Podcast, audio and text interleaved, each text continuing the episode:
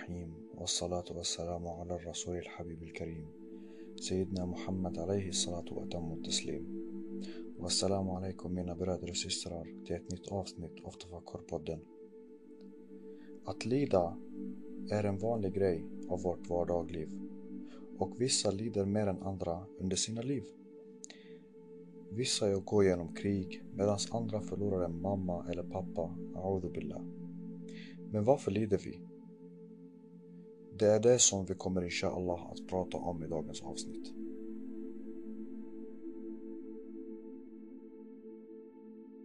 Att den onde är en centralitet i den artistiska diskursen är ingen hemlighet. George Bushner, en tysk ateist och poet, kallar problemet av den onda den obefläckade stenblock av ateism. När man pratar om ateism så kan vi hitta två tankeskolor mellan dem.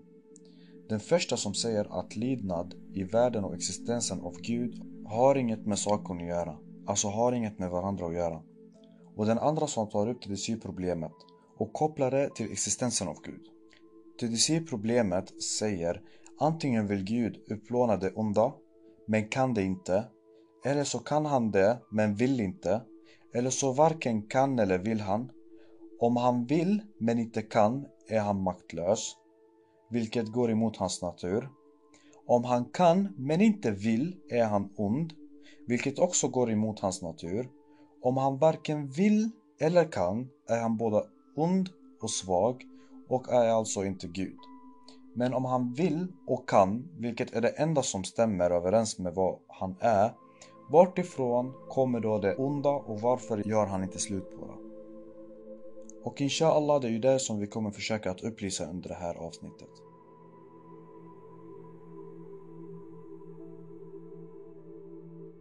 Lidnad i världen har alltid varit ett problem. Men det har bara under de senaste århundradena översätts till en revolt mot Gud och religionen. Under 1800-talets upplysningsperiod så började en gradvis omorientering av det västländska tankesättet från meningen med livet till kvaliteten av livet. Denna radikala fokusförskjutningen där människors levnadssätt förträngde strävan efter transcendenten syfte är det som så småningom gjorde livets frustrationer allt mer ohärdliga. Och när hela existensen är nedbart sett för detta liv och att detta liv ses inte som ett medel för ett större mål. Man kan förvänta sig att säkerställa omedelbart nöje och undvika smärta skulle bli den enda målen. Det är därför det är inte konstigt att särskilt västländska samhällen, trots deras många lyx och komfort, har haft de största svårigheterna att hantera det onda problemet, eller lidnadsproblem. Och som Viktor Frankl sa, Fler människor idag har sättet, har sätten att leva men ingen mening att leva för. Meningslöshet är den som gör livet till ett fängelse där passagerare frustrerande kraschar mellan livets och dödsmurror och får panik från varje stick. I ett liv utan mening är varje nipa en oförklarlig och oundviklig slumpmässig händelse som bara kan klassificeras i termer av energi och materia och den endast representerar kaos, uppror och en tragedi.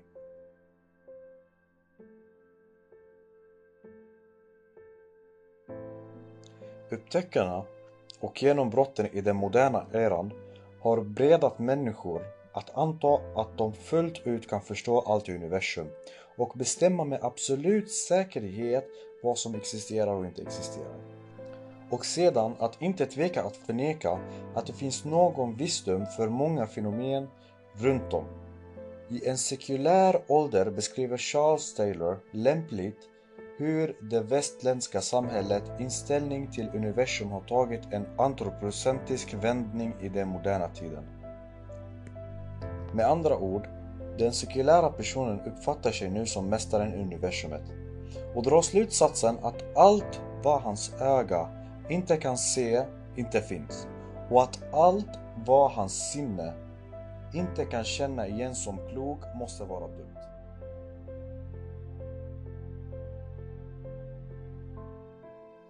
Men hur kan vi utmana denna frågan? Jo, man kan inte sitta och fråga varför lider människor? Det man ska fråga egentligen är vad är bra och varför finns det så mycket som är bra? Att, ifråga exis eh, att ifrågasätta existensen av gott är den mycket värdefulla frågan. För först efter att ha identifierat den dominerande principen kan undantagen från den principen förstås.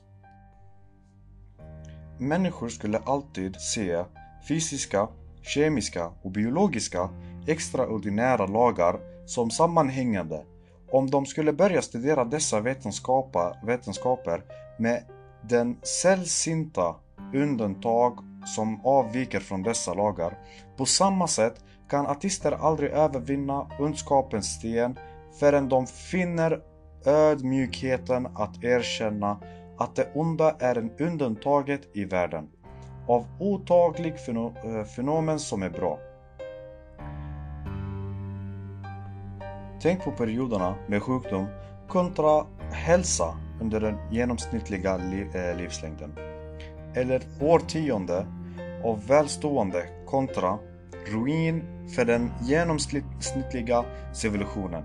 Eller århundrade vila mot eh, utbrott av vulkaner eller ur eh, tusendelar som icke-kollision mellan planeter.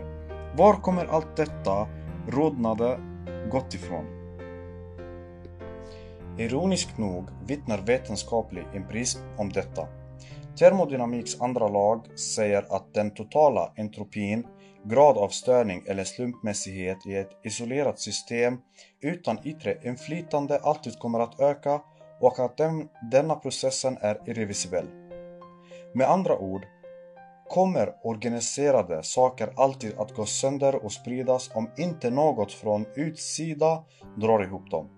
Som sådan kunde blinda termodynamiska krafter aldrig ha producerat något gott på egen hand och inte heller gjort så lika utbrett som det är, utan att skaparen organiserade dessa till sin slumpmässiga kaotiska eh, fenomen i de underbara saker vi upplever som skönhet, visdom, glädje och kärlek. Först efter att ha fastställt att normen är bra kan vi hoppas förstå undantaget av ondska eller lidnad.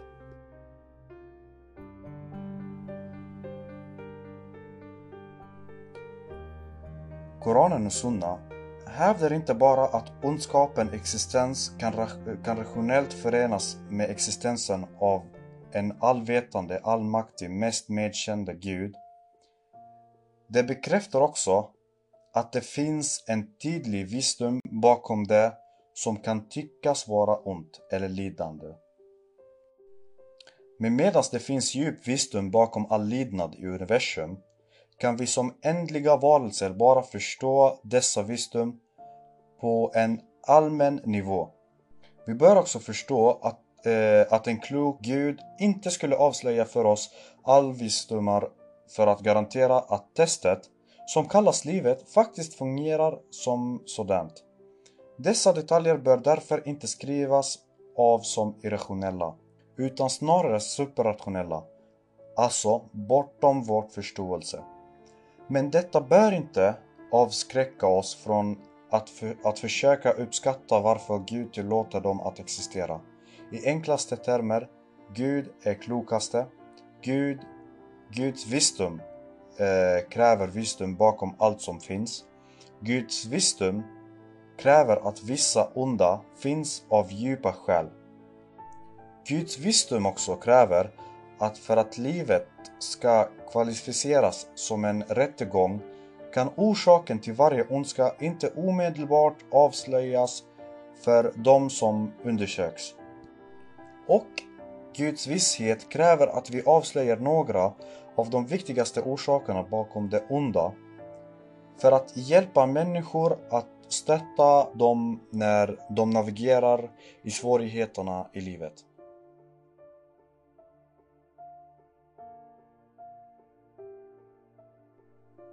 Ett av de mest grundläggande begreppen i sunniska teodosin är att rent ont inte finns. Ibn al-Qayyim rahimahullah, kanske den största sunni-teologen eh, att skriva om teodokin säger Ondska som ett oberoende fenomen där ingen dimension av det onda är inblandat har ingen existens i denna värld. Det finns inget i vår existens som kan kallas rent ont eller rent lidnad eftersom varje ondska eller lidnad i denna värld är bra från, att, från en eller annan vinkel. Till exempel skadar sjukdomen kroppen från en vinkel medan andra vinklar testar tålamod, väcker motståndskraft och kan till och med stärka eh, immunet i kroppen. De flesta ogillade saker är givetvis på det sättet aldrig ogiltig för någon eller någon annan nytta för människa. Denna gillande princip gäller båda för naturligt förekommande ondska eller lidnad och för ont eller lidnad som begås av avsiktliga eh, agenter, alltså människor.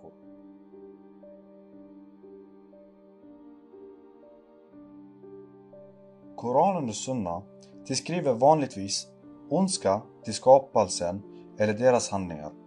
För från Gud, eh, från Guds fulla perspektiv är denna ondska eller lidnad som han orsakade att vara övervägande god i verkligheten. Koranen säger till exempel قل أعوذ برب الفلق من شر ما خلق Säg, jag söker skydd hos grinsen Herre mot den onda i det han har skapat. Det här är Sura 113, Eja 1-2.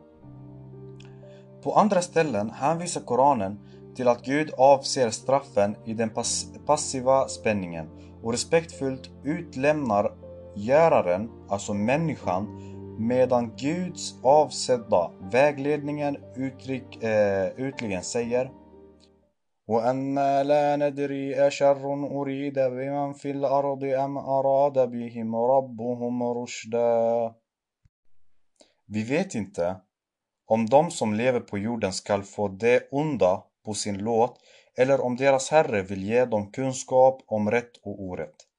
Och det är inte änglarna eller Gud som säger det, det är jinn som säger det. Alltså jinn som sitter och kollar på oss som säger det.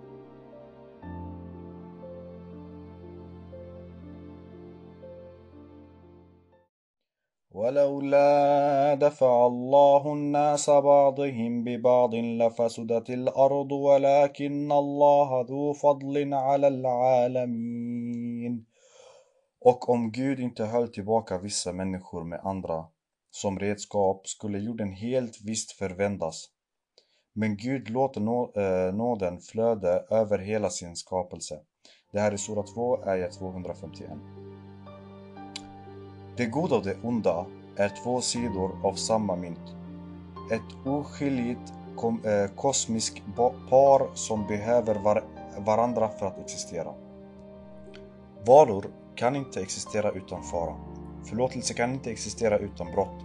Och uthållighet kan inte existera utan hinder. Förtjänsten av mätande är bara känd för de som vittnar av hunger och känslan släkt utnyttjas endast av de som upplever tröst. Det måste finnas några manifestationer av ondska för att uppnå dygden att erovera dem. Som Herbert S. Box skriver i The Problem of Evil, bara med möjligheten att misslyckas förtjänar vi belöning för triumf. Därför måste det finnas viss ofullkomlighet för människor och för deras värld för att tjäna som en gnist för, de, för de goda flammor som vi är tänkta att tända omkring oss. Gud ansåg att det måste finnas sjukdom så att vi skulle förfölja och njuta av hälsa och att vi måste misslyckas så att vi skulle vara intresserade av att uppnå. Vi kommer inte att njuta av någonting av våra liv på denna jord om vi inte också smakar på dessa bitterheter i våra tungor och känner dessa ånger strömmar ner i våra kinder. En värld utan önska eller lydnad är som en värld utan gott. varken har någon mening som en person skulle sträva efter att aktualisera. Därför, när artister kräver en värld utan önska, ber de samtidigt om en steril värld tom från allt gott.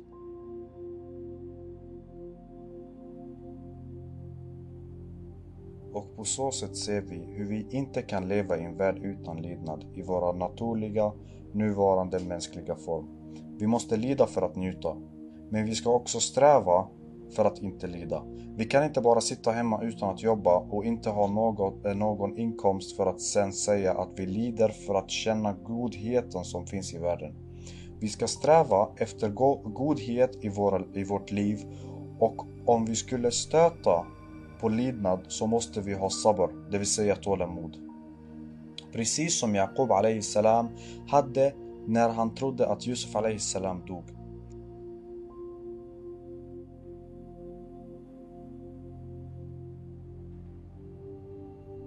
Innan jag avslutar jag vill bara tacka bröder Mohammed Shinawi och Yaqin institutionen för ett underbart forskning genom denna ämnet.